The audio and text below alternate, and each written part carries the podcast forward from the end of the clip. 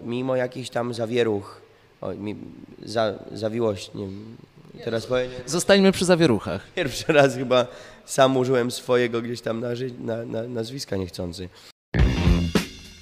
Słuchasz podcastu Akademickiego Radia Luz.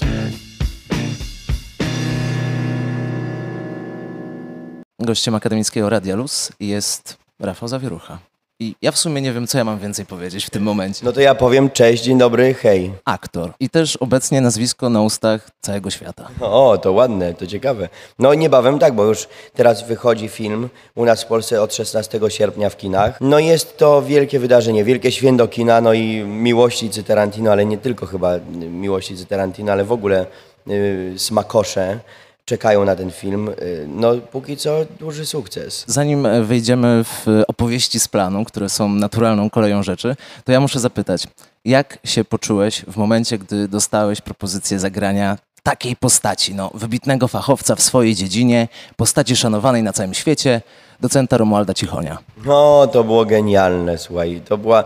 W ogóle ostatnio się spotkałem też z producentem tego filmu, z Piotrkiem.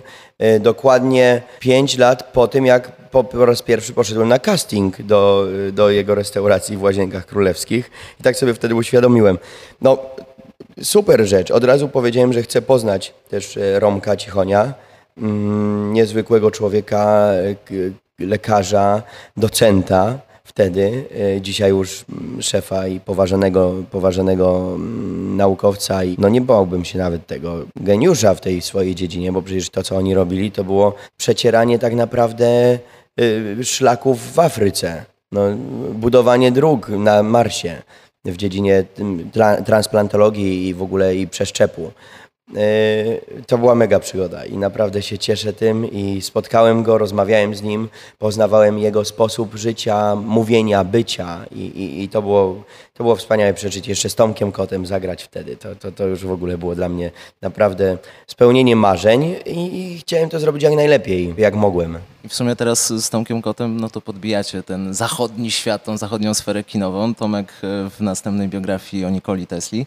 No a ty w filmie, no nie biograficznym, ale też grasz znowu postać biograficzną. Trochę się zaczynasz specjalizować w tej dziedzinie. To jest ciekawe, bo to, to, to daje naprawdę taką, taką, takie wyżycie się aktorskie. I ja to uwielbiam, kiedy możesz raz, że budować sobie postać, która nie musi być jakaś tam prawdziwa, ale to, co mnie interesuje najbardziej, to właśnie budowa tej postaci, którą znamy i wejście w ten świat, wejście w to, w ogóle dlaczego się robi film, na przykład dlaczego taka postać pojawia się w filmie. No bo jest wyjątkowa, bo jest wybitna, bo inspiruje innych ludzi. Także mnie. Mnie też inspirował Roman Polański. Mnie też inspirował jako dzieciaka, kiedy dzieciaka, no lice, licealistę, no to już nie taki dzieciak, kiedy, kiedy zobaczyłem go w Zemście, gdzie grał Papkina i ja wtedy się zakochałem po prostu w tym, jaką on wykreował postać, a jeszcze uwielbiałem Fredrę i też grałem Papkina w liceum, więc w ogóle to było takie niezwykłe, zarąbiste połączenie, a później nagle sobie uświadomiłem, kiedy już do mnie dotarło to, że mam go zagrać jednak, czyli powiedziałem, aha, czyli Tamto sprzed lat nie było przypadkiem, czyli tamto nie było czymś takim, że bo się pojawiło i, i zagrałem sobie papkina. Czyli każda, każdy krok właściwie w moim życiu ma jakieś konsekwencje. W ogóle chyba w naszym życiu każdy krok ma jakieś konsekwencje i trzeba się z nimi liczyć i trzeba z nich wyciągać jak najlepiej, jak gdyby patrzeć na najlepszą stronę, jak możemy to najbardziej wykorzystać dla siebie i dla innych. To w szkole teatralnej nie było takich sytuacji, że ktoś mówił, ej, ty w sumie podobny do Polańskiego jesteś, wy jesteście spokrewnieni. Nie było takiej koneksji. Nie, nie, nie, nie, nie, nie, nie. W szkole teatralnej, no co, no robiło się swoje. Jadło się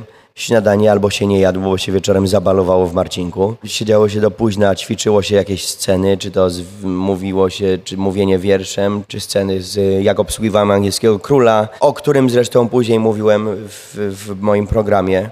Spotkałem się z filmowcami, którzy, którzy tworzyli to kino, więc nie, w szkole nie, nie, nie było porównań takich. I przyszło ci się zmierzyć z postacią Polańskiego, który no, w przeciwieństwie do docenta Cichonia no, jest postacią już znaną. Wszyscy wiedzą, jak wygląda, jak się zachowuje Roman Polański. I Quentin Tarantino w jednym z wywiadów powiedział, że dostał błogosławieństwo od Polańskiego. W sensie on się zgodził, róbcie ten film. Czy ty w jakiś sposób próbowałeś się kontaktować, zbadać to, w jaki sposób on by to odebrał? Ja nie miałem takiej potrzeby, ponieważ nie chciałem wychodzić poza szereg. Jak gdyby Jeżeli produkcja by stwierdziła, że mam się z nim spotkać, to bym się z nim spotkał. Czy Quentin, jeżeli by powiedział, Rafał, masz się spotkać z Romanem Polańskim. Nie było takiej potrzeby, a nie wiem, czy to też by miało jakoś pomóc albo dodać czegoś. Oczywiście mnie by to mogło dać, tak y, też mówię, ale też by mogło zablokować gdzieś, no bo jednak spotkanie się z y, taką postacią, osobowością, która przeżyła to, co przeżyła, no to jest wielkie wydarzenie i mam nadzieję się oczywiście spotkać. Bardzo chcę, żeby do tego doszło. Bardzo chcę, żebyśmy porozmawiali o filmie, kiedy już Roman Polański go obejrzy, więc mam nadzieję, że się odezwie i, i, i że umówimy się na jakiś lunch albo kawę. Próbowałeś się w jakiś sposób wzorować na materiałach, które widziałeś e, z jego postacią, czy raczej podszedłeś do tego, to jest postać w filmie Quentina Tarantino, bez względu na to, że jest bazowany na prawdziwej postaci, będę to grał tak, jak on tego oczekuje. Po pierwsze, że będę to robił tak, jak on tego oczekuje, ale jednocześnie wykonałem swoją pracę, bo na tym polega mój zawód, żeby się przygotować. Więc nie mógłbym stworzyć innego Romana Polańskiego. No, on był taki, jaki był, jest jaki jest. Więc się przygotowałem z jego wywiadów, z materiałów, które są dostępne, z książki, którą napisał, z filmów, w których zagrał, no wspomniałem już Zemstę, ale jeszcze jest przecież Lokator, jest jeszcze Chinatown, w których też genialne rzeczy stworzył i reżyserował. Dużo mi dała właśnie książka i dużo mi dało to, na przykład Dick Cavett czy, czy Hugh Hefner, jak są wywiady z nim, zdobycie tej, tej wiedzy, jakim zwierzęciem był, jak, jak się poruszał, jak podchodził do innych, jak podchodził do świata. Niezwykły apetyt na życie, to o czym mówią wielokrotnie jego przyjaciele w rozmowach czy, czy, czy udzielając wywiadów.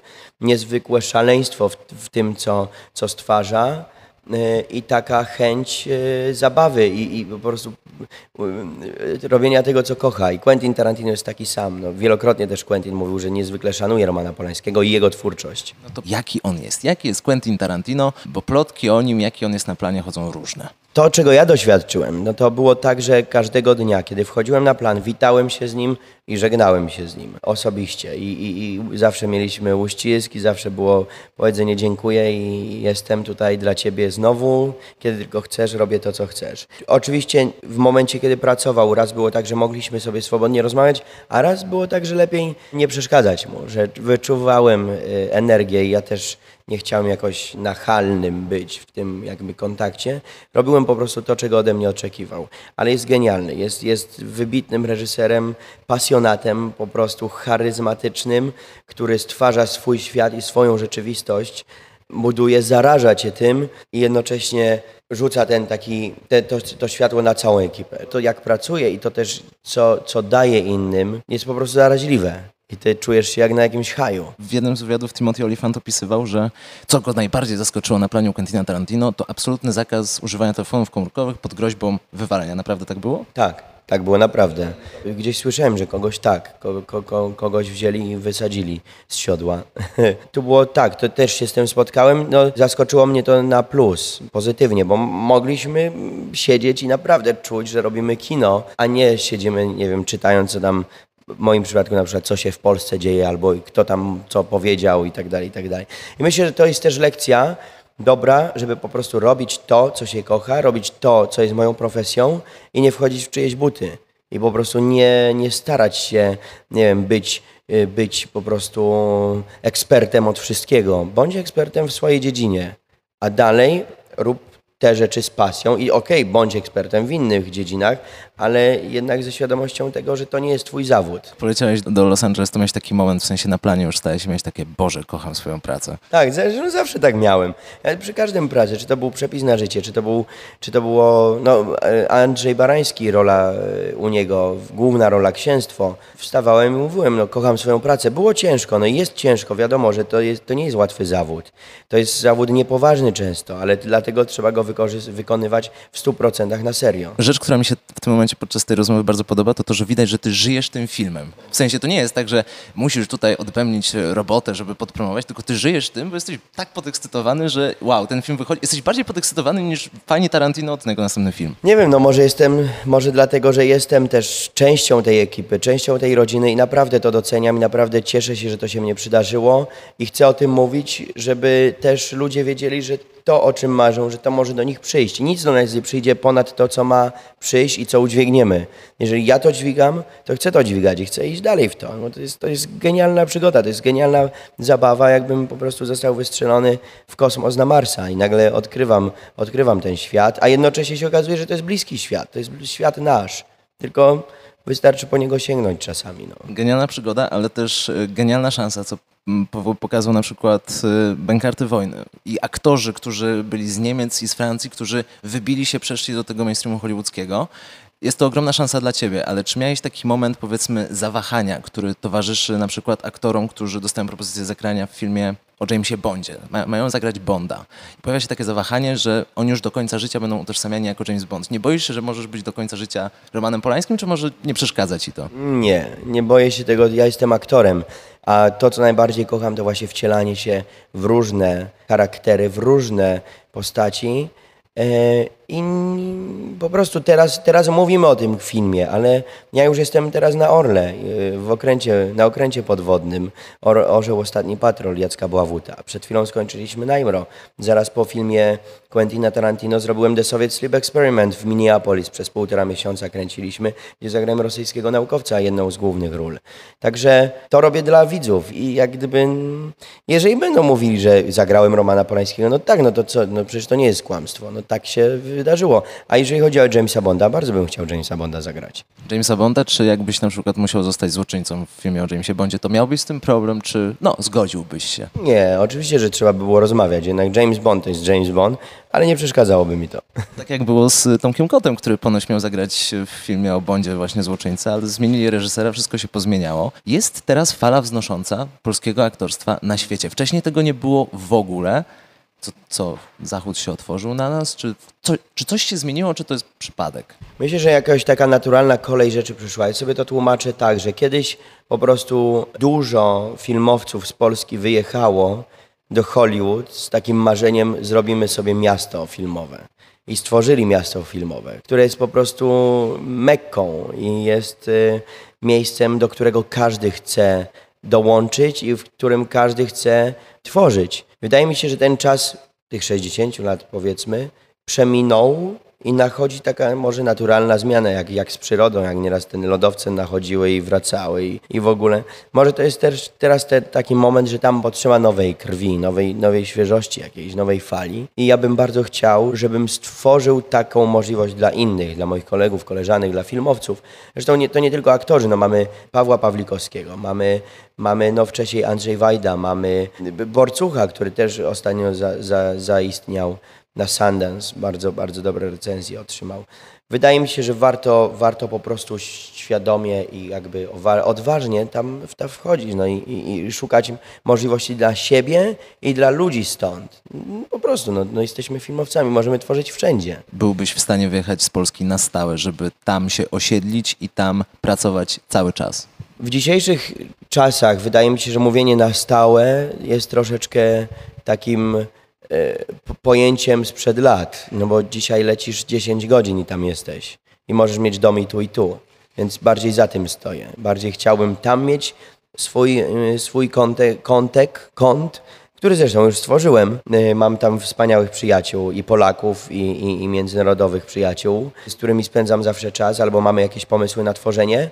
I myślę, że w tym kierunku, to, to, to, tego bym chciał, żeby być tam i też tworzyć kino tutaj, nie zapominając o swoim kraju, a jednocześnie też tworzyć tam i wychodząc, wychodząc bardziej, też, też mówiąc i promując też to, że my mamy dużo do powiedzenia. I też tak jak Roman Polański wtedy przyjechał ze swoim bagażem doświadczeń, tak myślę, że każdy z nas powinien się naprawdę odważnie e, wypowiadać o tym, jakie on ma doświadczenie i mówić jednocześnie o tym, że naprawdę nie mamy na co narzekać. Mimo jakichś tam zawieruch, o, mi, za, zawiłość, nie Zostańmy przy zawieruchach. Pierwszy raz chyba sam użyłem swojego gdzieś tam narzy- na, na, nazwiska niechcący.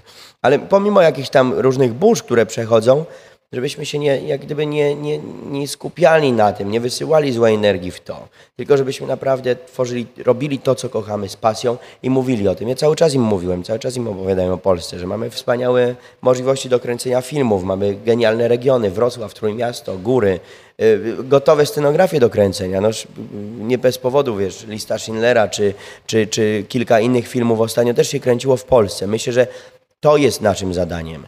I to jest też naszym zadaniem, żebyśmy wykorzystali pieniądze nasze, które płacimy na podatki, które płacimy w różnych, y, powiedzmy to, opłatach, y, żeby też wykorzystać na to, żeby przyciągać filmowców do nas, do Polski. Czyli nie powinniśmy mieć kompleksu, bo na przykład Jacek Braciak kiedyś mówił, że porównywał pra- pracę na planie polskim i pracę na planie amerykańskim, że na amerykańskim jest rozmach. W Polsce brakuje rozmachu. Nie powinniśmy się czuć w jakiś sposób gorsi, powinniśmy robić swoje? Robimy o, film o okręcie podwodnym Orzeł.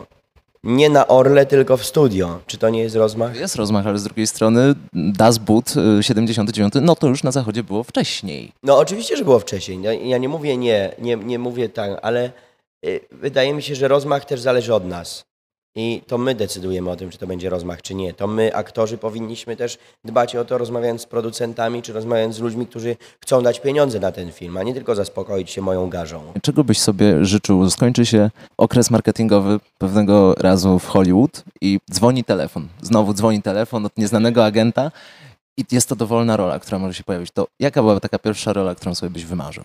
Ja bym chciał zagrać jakiegoś bohatera sci-fi, coś związane ze, z science fiction, albo Jamesa Bonda, albo mm, no dużo mam takich, wiesz, marzeń, które, które się albo spełnią, albo nie. Chciałbym zagrać historyczną postać. Chciałbym bardzo zagrać Szukalskiego, naszego polskiego artystę, e, geniusza. E, Chciałbym bardzo zagrać Mikołaja Kopernika albo i jeszcze innych. No wiesz, no, jest z czego wybierać, pewnie, że tak. Chciałbym zagrać czarny charakter, chciałbym zagrać jakiegoś dyktatora albo, albo osobę, która, która po prostu rozwala świat i, i ktoś później przychodzi, żeby ten świat naprawić. Nie wiem. To możesz e, zagrać rozwalacza i tego, który naprawia. I tego ci życzę. Dziękuję ci bardzo za rozmowę. Pozdrawiam serdecznie, do zobaczyska. Akademickie Radio Luz. Dzięki za słuchanie. Sprawdź więcej rozmów i podcastów na 916.fm. Do usłyszenia.